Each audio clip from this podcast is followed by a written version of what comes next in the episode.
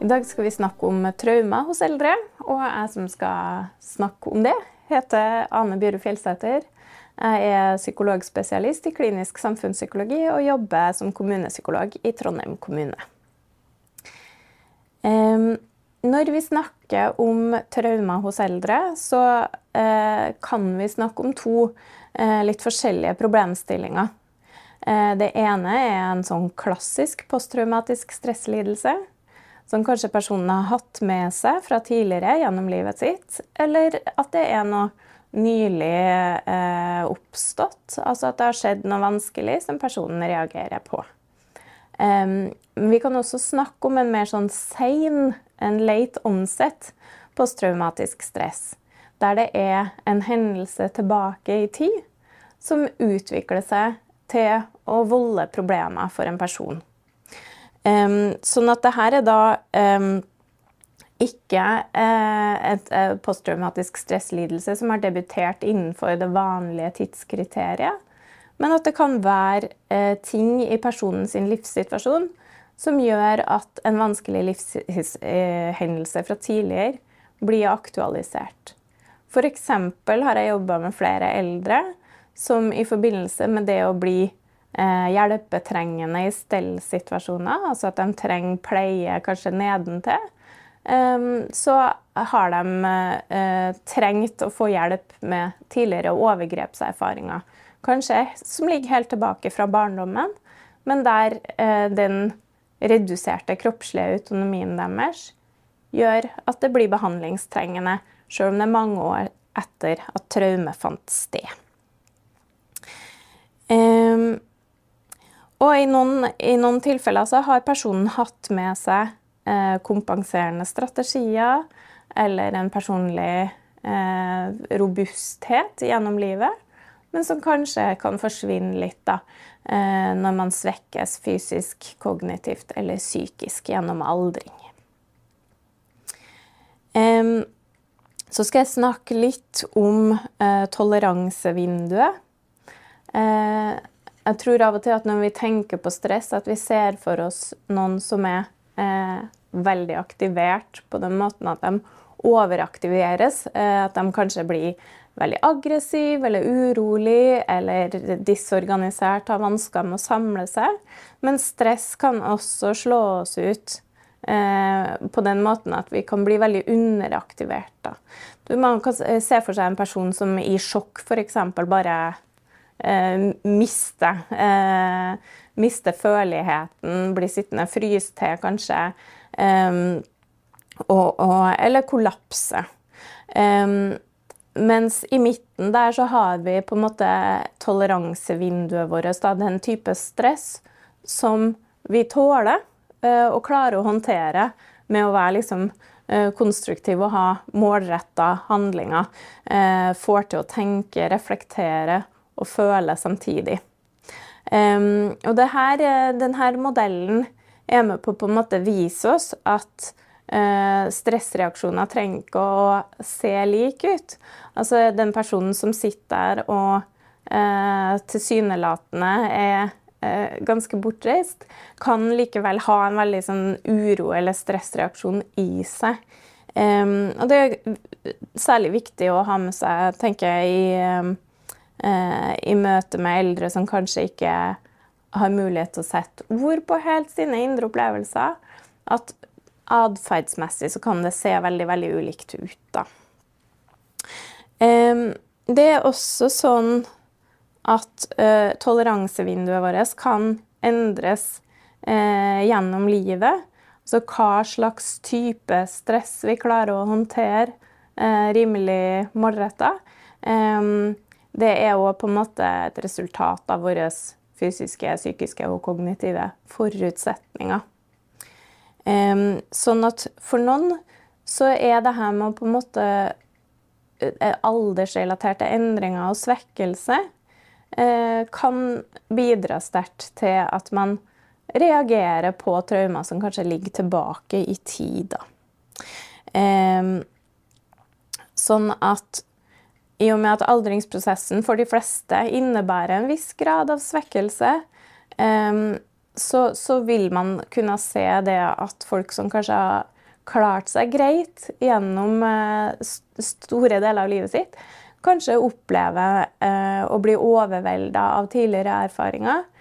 Eller at man får en sånn retraumatisering, sånn som det jeg snakka om, med at på en måte f.eks. det å, å, miste noe kroppslig autonomi da, kan sette oss tilbake i eh, gamle traumer. Eh, jeg syns òg at det er viktig at dere kjenner til eh, ACE-studien, Adverse Childhood Experience-studien. Utført av Felitti og kollegaer over en årrekke. Det er en veldig omfattende eh, studier av hvordan vi påvirkes av vanskelige opplevelser i tidlig eh, oppvekst. Eh, og det viser seg at traumatiske opplevelser tidlig i livet også er med på å predisponere oss for dårligere somatisk helse gjennom hele livet. Det vil si at hva slags aldring vi har, også kan være sterkt påvirka av hvilke opplevelser vi har hatt i tidlig barndom. Fordi at en krenka kropp vil eh, aldes i annet tempo enn en kropp som på en måte har fått lov til å ha integriteten sin og gode opplevelser. En god barndom setter seg på en annen måte enn en vond barndom setter seg i oss. Um, Dette er også viktig å vite, fordi at i eldretjenestene så treffer vi folk som um, som eldes ut ifra forskjellige forutsetninger. Eh, og at vi på en måte kan treffe folk som eh, har helseutfordringer som gjør at de framstår ganske mye eldre enn sin kronologiske alder. og i noen tilfeller så bør eh, dette også være en indikasjon for at vi stiller dem spørsmål om hva slags livshistorie de har hatt, og hvilke tidligere traumer de kanskje kan ha vært igjennom. Eh, fordi at det er grunn til å anta at blant de sykeste så kan det være mange som har med seg vonde minner. Eh, I og med at vi vet det at det er veldig godt etablert at opp, oppveksten vår også er med på å avgjøre hva slags alderdom vi får. Så er det også sånn at eh, kjernesymptomene på posttraumatisk stress også kan fortolkes som eh, en begynnende eh, kognitiv svikt eller demensutvikling. Eh, fordi at en god del av de ikke-spesifikke symptomene ved posttraumatisk stress, det er sånne fenomener som konsentrasjonsvansker, forstyrra hukommelse, det å være desorientert, av og til ikke riktig vite når eller hvor jeg er. Det kan også være en sånn tilbaketrekning eller fjernhet. Og vansker med å regulere følelser. Og dette er også noe vi ser ved posttraumatisk stress. sånn at man kan, Det er en viss risiko for diagnostisk overskygging. Eh, som, som, på en måte der, der, man kanskje ikke oppdager et nyoppstått traume, eller at man feilfortolker det til starten på en demens. Um, og det her er ganske viktig å være oppmerksom på, fordi at uh, det er jo ønskelig at vi behandler uh, de to tilstandene uh, ganske forskjellig, da. Um, og så er det samtidig sånn at posttraumatisk stress, ubehandla posttraumatisk stress, er forbundet med en dobbel risiko for demensutvikling. Så vi bør også være obs på det at dette kan forekomme eh, samtidig. Da. Eh, så eh, personer som utvikler posttraumatisk stress etter et traume, kan få synlige spor av den stressopplevelsen gjennom eh, at, at hukommelsesstrukturene deres i hjernen blir påvirka. Så f.eks. en redusert størrelse på hippocampus, som er en hjernestruktur som eh, bl.a. koder for eh, mye sjølbiografisk hukommelse. Og det vi antar er grunnen til dette, det er da opphopning av stresshormonet kortisol, som bryter ned hippocampus. Eh, og, og, det gjør det, det, det, er noe av det her da, som på en måte gjør at det er et så stort overlapp mellom symptomer på posttraumatisk stress og eh, symptomer på særlig Alzheimers demens. Um, sånn at hvis vi skal si det at vi har noen som vi mistenker for å ha en sånn sent debuterende posttraumatisk stress, så må man på en måte inn og se på hva er det som eh, eh, Hva er, er, de mer sånn spesifikke symptomene, da. Eh, for på den uspesifikke sida så vil vi se f.eks. sånne ting som kan ligne ganske mye på demens. Konsentrasjonsvansker, påvirka innlæring, hukommelsesendringer, vansker med å orientere seg i tid og rom, eh, og, og svekka eksekutivfunksjoner. Altså at eh, dirigenten for orkesteret på en måte svikter, og at man da har vansker med å planlegge og organisere, koordinere aktivitetene sine. Mens mer spesifikt for posttraumatisk stress så vil man da se den her med endringer i aktivering. Eh, også påtrengende minner. Eh, kan være i form av flashbacks eller mareritt, eller at, at, man på en måte ser det at personen nærmest ramler ut og er litt i sin egen verden, og at da kan det være at de har igjen opplevelser. Um, veldig ofte så vil eh, traumetriggere eh, skape en sterk unnvikelse. Sånn at det som minner om, om traume, det vil personen prøve å unngå. I tillegg så, så, er jo posttraumatisk stress forbundet med en god del negativt tankeinnhold og følelser. da. Uh, som vi ikke alltid vil se ved en demensutvikling. Sånn at det her er de uh, tingene som det er viktig å være kanskje særlig oppmerksom på, og se om uh, er til stede. For, for, å se om, om, man skal diagnostisere med posttraumatisk stress, eller, eller ja, forutsette at det er starten på en demensutvikling.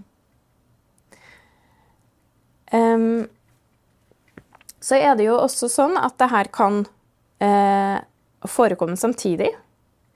Um, altså at man kan ha komorbid posttraumatisk stress og demens. Og det her er et veldig vanskelig terreng.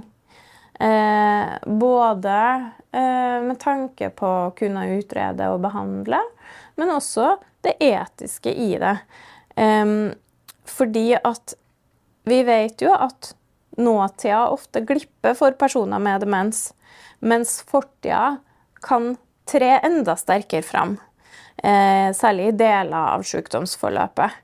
Eh, og hvis at da deler av fortida di var vond, da, altså traume Altså du har mange traumeerfaringer med det, eh, så er det særlig smertefullt da, å tenke at hvis man, altså, hvis man da ikke behandler eh, for, for, den traumelidelsen, så vil personen risikere å bli sittende fast i sine vondeste livserfaringer. At det kanskje er det eneste du husker til slutt. Sånn at hvis vi har en mistanke her om at det er samtidig posttraumatisk stress og demens, så er det særlig tidlig i demensutviklinga så kan det finnes et sånt terapeutisk vindu der det er mulig å jobbe eh, kurativt da, med en persons sin posttraumatiske stress. Um, og der bør man være veldig på. Um, som kanskje er noe av det an... altså, Det er kanskje litt det motsatte av det vi gjør ellers. Um, hvis vi på en måte forstår det som en begynnende kognitiv svikt, da ser vi, liksom, ja, da ser vi det an, ser hvordan det utvikler seg. Mens hvis man tenker det at her er det en samtidig eh, traumeproblematikk og demens, da må vi være veldig kjapt inn, fordi at vinduet forsvinner. Um, så lenger ut i en demensutvikling så anbefaler vi heller det at man holder seg til en stabiliserende behandling. At man ikke jobber med nødvendigvis å kurere, men heller det å, å gi en god miljøterapi og stabilisere symptomene hos personen. Og da er det jo eh, også eh, veldig viktig det å alliere seg med eh, primærkontakten eh, til denne pasienten, til de viktige pårørende til denne pasienten. Eh, det at nærpersonene får kunnskap om traumereaksjoner og også kjenner til så godt som mulig da, denne eh, pasienten sin traumehistorikk. Um, så det å, å eh, Både for å på en måte forstå reaksjonsmønster og for å forstå triggere og for å skape et miljø som blir trygt og ivaretakende. Og i tillegg så blir jo eh, de her nærpersonene veldig viktige for å klare å være en motvekt da, til traumehistorikken. At de får en kjempeviktig jobb med å holde liv i de gode minnene og bygge opp om det og, og, på en måte styrke de hukommelsesfunksjonene som er knytta til at det også har vært gode ting i livshistorien.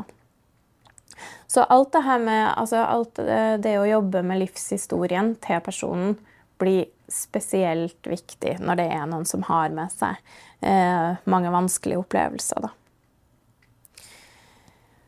Um, så er det jo eh, også viktig å være klar over at eldreomsorgen kan være full av triggere for personer med traumehistorikk.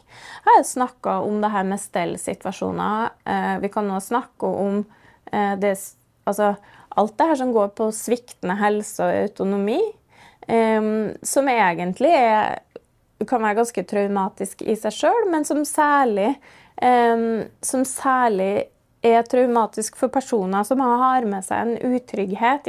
Der, at, der det der må være um, At man kanskje har gått mye av livet sitt og skanna etter trusler og eh, lagd, hatt med seg kriseplaner. Um, og, og, så bryte sammen litt den der følelsen av at jeg kan beskytte meg sjøl, eller jeg kan stå opp for meg sjøl hvis det skulle være noe. Um, Ellers så er det eh, også sånn at eh, ja, i eldreomsorgen at det her med å på en måte kanskje se andre som er eh, syke, da, eller som, som, får en litt uforutsigbar atferd, at det også kan være ganske retraumatiserende. Da. At det kan være vanskelig å skape et miljø som oppleves helt trygt. Eh, jeg eh, har jobba med Eller en av mine pasienter har med seg en god del eh, overgrepserfaringer fra eh, sin oppvekst. Og har eh, på et rehabiliteringsopphold f.eks. opplevd at en medpasient kom naken inn på rommet hennes i den tro at det var sitt eget rom. Um, og der det blir noe som vi må jobbe ganske mye med. Men der jeg ikke har vært i stand til å jobbe like godt med hun, hvis det ikke har vært fordi at miljøet også var veldig ivaretakende. Så veldig ofte som psykolog så på en måte opplever du det at det både er eh, Kan være ting i miljøet som, som reaktiverer traume, men også at det er ganske mye trygghet å hente da, i at eh, personen er i et miljø der de blir Eh, stabilisert og ivaretatt. så det er eh, Jeg tenker at det er veldig mye gull å hente i det miljøarbeidet eh, rundt pasienter som har med seg vanskelige erfaringer. og jeg har med noen forslag da, til gode tiltak her. jeg tror det er lurt å jobbe med sånn triggerdagbøker. Altså se litt sånn Hva er det som er det som kan utløse eh, traumeatferd hos pasienten? Og da mener jeg både det her med eh, at du ser at personen blir veldig desorganisert og eh, overaktivert og urolig, men også hva det som gjør at de blir bare helt sånn fjern og tilbaketrukket hvis man ser et funksjonsfall der? Um, og, og, hva er på en måte triggerne, hva som har skjedd i forkant av at vi ser atferdsendringer? Her går det an å gjøre eget detektivarbeid, og det er også veldig mye bra ofte å hente i pårørendes kompetanse og observasjoner. Ellers så snakker vi om det her med traumebevisst omsorg. Eh, og det er da det å benytte samregulering. hvis, eh, hvis pasienten min er urolig, men jeg klarer å komme inn i rommet og formidle en ro og formidle en trygghet, så kan jeg gjøre noe med mitt eh, nervesystem som også er med på å roe aktiveringa hennes i hennes nervesystem. Eller han i hans. Um, altså at, uh, at man på en måte bruker de her gode relasjonene, de her gode støttepersonene, til å finne ro og trygghet i nye situasjoner. Um, og så er det uh, viktig å utvikle observasjonskompetanse for traumereaksjoner. Det å på en måte ha med seg denne forklaringsmodellen inn i miljøarbeidet. Eh, at man ikke tenker at ja, ok, men tilfeldigvis så er du urolig i dag, men at man prøver å se sammenhenger. Eh, og det å kjenne til stabiliseringsmetoder.